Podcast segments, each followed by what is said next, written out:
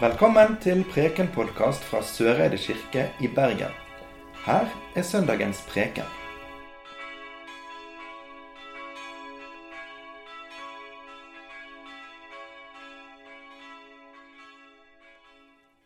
Det står skrevet i evangeliet etter Lukas.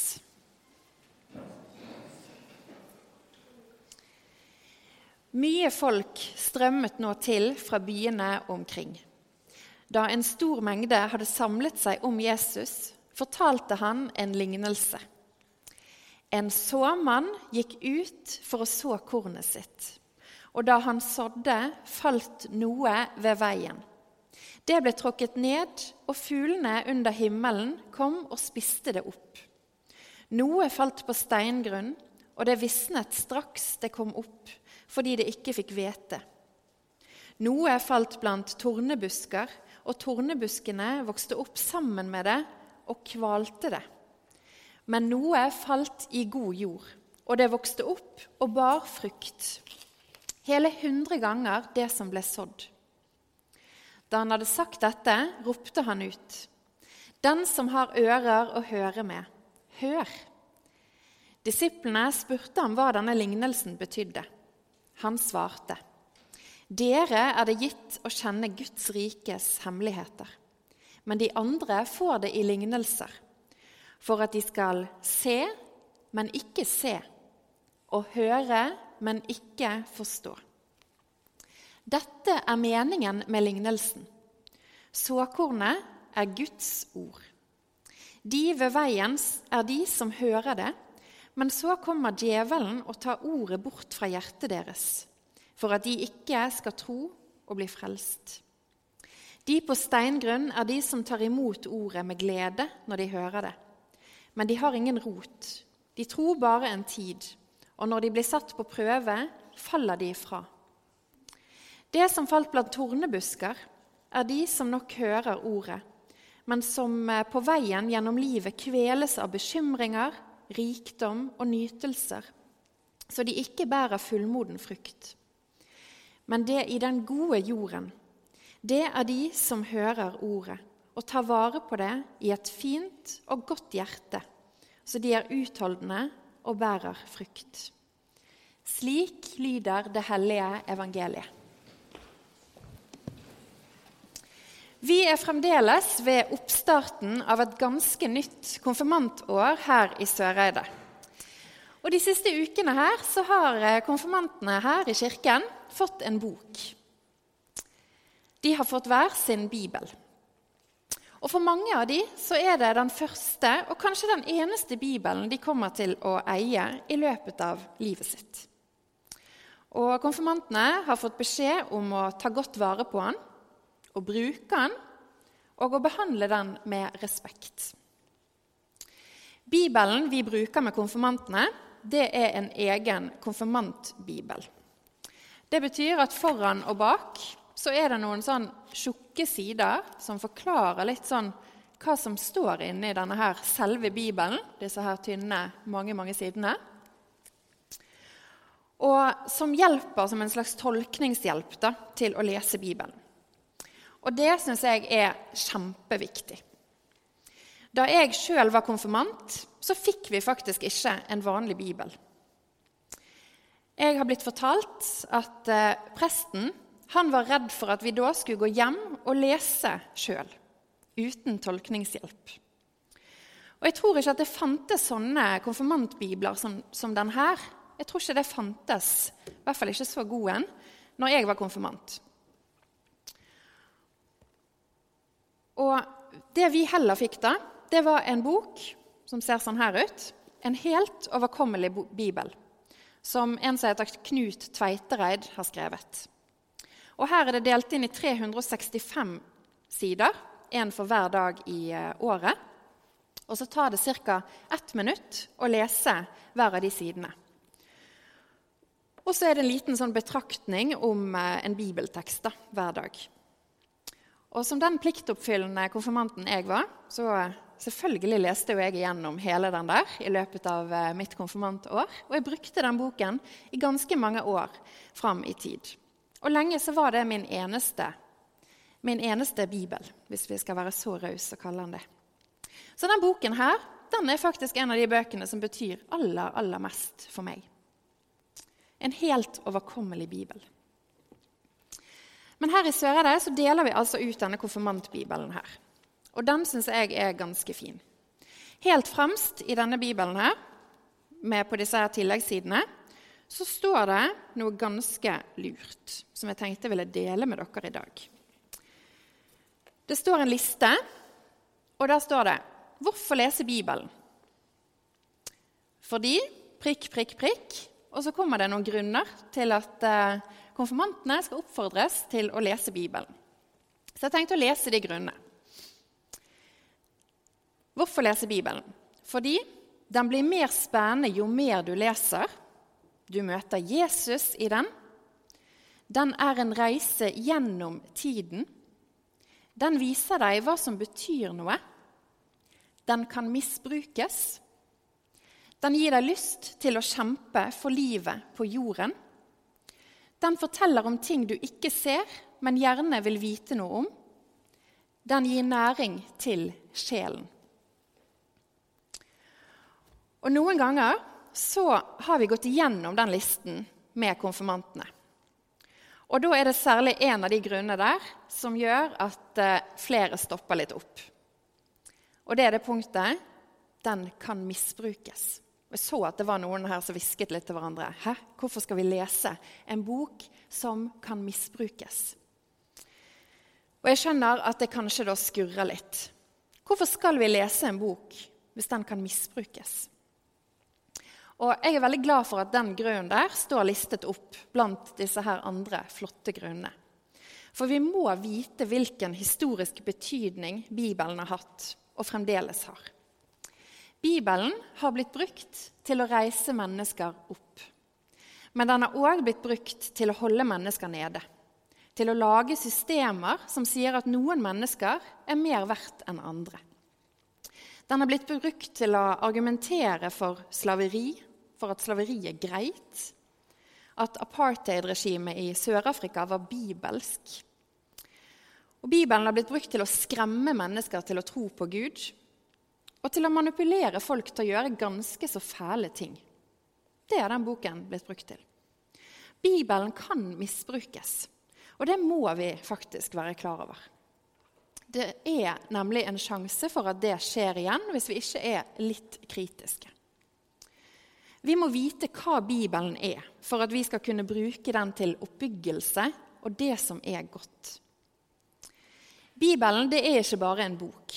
Det er et bibliotek av bøker, skrevet ned av mennesker gjennom en periode på flere tusen år. Før han da ble oversatt til flere og flere og flere språk, og så har vi han altså på norsk. Biblioteket Bibelen det inneholder forskjellige sjangere og de er blitt til i ulike tider, disse bøkene. Vi kan lese poesi, brev og historiefortelling. Legender, sanger og apokalypser. For å lese Bibelen så er det da lurt å ha noen sånne tolkningsnøkler. Det er lurt å ikke bare begynne forfra på side 1 og lese alt derifra som historiske fakta.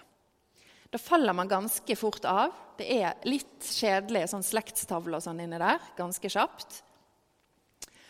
Og ja, det anbefales å lese den på litt andre måter. For Bibelen kan leses på veldig mange måter. Og du kan søke etter forskjellige sånne bibelleseplaner hvis du ønsker det. For så kan du ha planer for å komme gjennom hele Bibelen på et år eller tre år. For eksempel. Og så fins det planer for ulike tema. Og her har jeg en egen bibel som har fått seg et flott eh, navn. Da. Fattigdoms- og rettferdighetsbibelen. Noen som har sett den sånn før? Kanskje ikke? Den kjøpte jeg da jeg var student. Og den er det altså gulet ut inni her. Ser dere det? Gulet ut fra før av. Eh, tekster som handler om fattigdom og rettferdighet. Sånn at det er lettere å få øye på hva er det egentlig dette handler om. Og Det er jo selvfølgelig en tolkningshjelp. Å ja, denne teksten handler om noe sånt. Ok, Da vet jeg litt hva jeg skal se etter i teksten. Det fins òg andre typer bibler. Jeg har lagt ut et lite utvalg av eh, mine egne på alteret i dag, siden det er bibeldagen. Eh, det er noen som har bibler for eksempel, der Jesus sine ord er uthevet med f.eks. rødt, sånn at det skal være lettere å få øye på, på hans eh, ord. Og så fins det barnebibler. Jeg har en som ligger der, som Desmond Tutu har skrevet. Så fins det studiebibler, f.eks. Og jeg har òg gresk og hebraisk bibel. Fordi at Bibelen er jo skrevet ned på de to språkene. Og siden jeg er prest, så har jeg brukt to år av mitt liv på å oversette og forstå disse tekstene under studiet. Bibelfag er et eget fag, folkens, med mange, mange muligheter. Det fins mange måter å lese Bibelen på. Og i kirken så leser vi òg Bibelen. Hver søndag så har vi tre tekster vi leser som har en sammenheng med dagen i dag og med hverandre. Så om du er her noen ganger i løpet av et år, så får du faktisk lese Bibelen også i løpet av et år. Og Tekstene som vi leste i dag, de handler om Guds ord. Vi hørte om Guds ord som gjør det Gud vil, og som fullfører det Gud har startet. Om Guds ord som er levende og virkekraftig. Og vi fikk høre om såkornet som bilde på Guds ord. Såkornet som sås på en måte som nesten kan anses som sløsing. Såkornet som kastes ut overalt, men som formidler oss at Guds nåde fins sjøl på de stedene i livet der det kan kjennes som torner. Guds nåde sås overalt for at alle skal ha mulighet til å forholde seg til Han. Et vanlig kallenavn på Bibelen det er jo òg Guds ord. Og For å lese Bibelen, Guds ord, så trenger vi altså noen tolkningsnøkler. For det står mye rart i Bibelen. Jeg vurderte faktisk i dag å ta opp eh, liksom, noen sånne merkelige vers, men det hadde jeg ikke tid til. Kanskje en annen gang så gjør vi det sånn. Men det står mye rart i Bibelen. Av og til så bare Oi, Ok, ja. Og da er det sånn at Vi må prøve å forstå det som står skrevet, ut ifra tiden det er skrevet i, hvem det er skrevet til, og hvem som har skrevet det. Altså hvilke mennesker er det som er mottaker for denne her teksten, sånn opprinnelig? Kanskje er teksten vi leser, skrevet til mennesker som er på flukt pga. sin etniske tilhørighet, f.eks. Kanskje leser vi et kjærlighetsbrev fra en forelsket mann som skal gifte seg med en veldig vakker kvinne. Og Da blir jo det veldig rart og potensielt skadelig faktisk, hvis vi leser disse tekstene helt likt uten å bry oss om sjanger eller hva sammenheng de står i. Da kan jo vi f.eks. ende opp med å lese om disse brystene til denne her eh, kvinnen i en helt annen sammenheng enn eh, det det faktisk står i som et kjærlighetsbrev. Skjønner dere det? Bibelen krever tolkningsnøkler. Og For meg så er denne tolkningsnøkkelen til å forstå Bibelen som Guds ord, det er Jesus. Han som også kalles Guds ord, ifølge Bibelen sjøl. Jesus er Guds ord. Og Da syns jeg det er fornuftig å se på hva han gjorde når han var her nede på jorden sammen med oss i de 33 årene.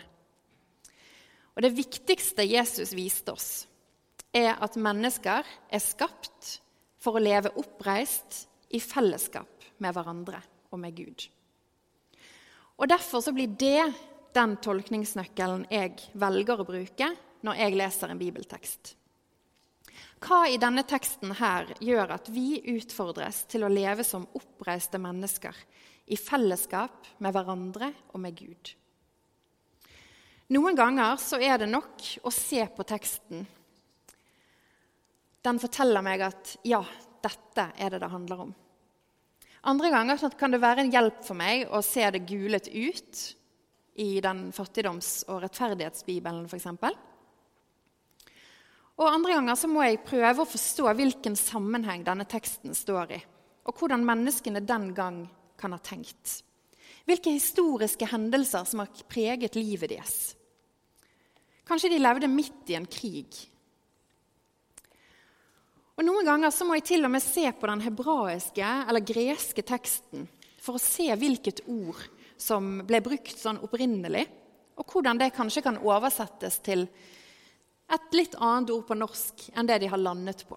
Det er store diskusjoner om hvilke ord vi skal bruke på hvert enkelt vers i Bibelen. Og Noen ganger så må jeg se på den store fortellingen.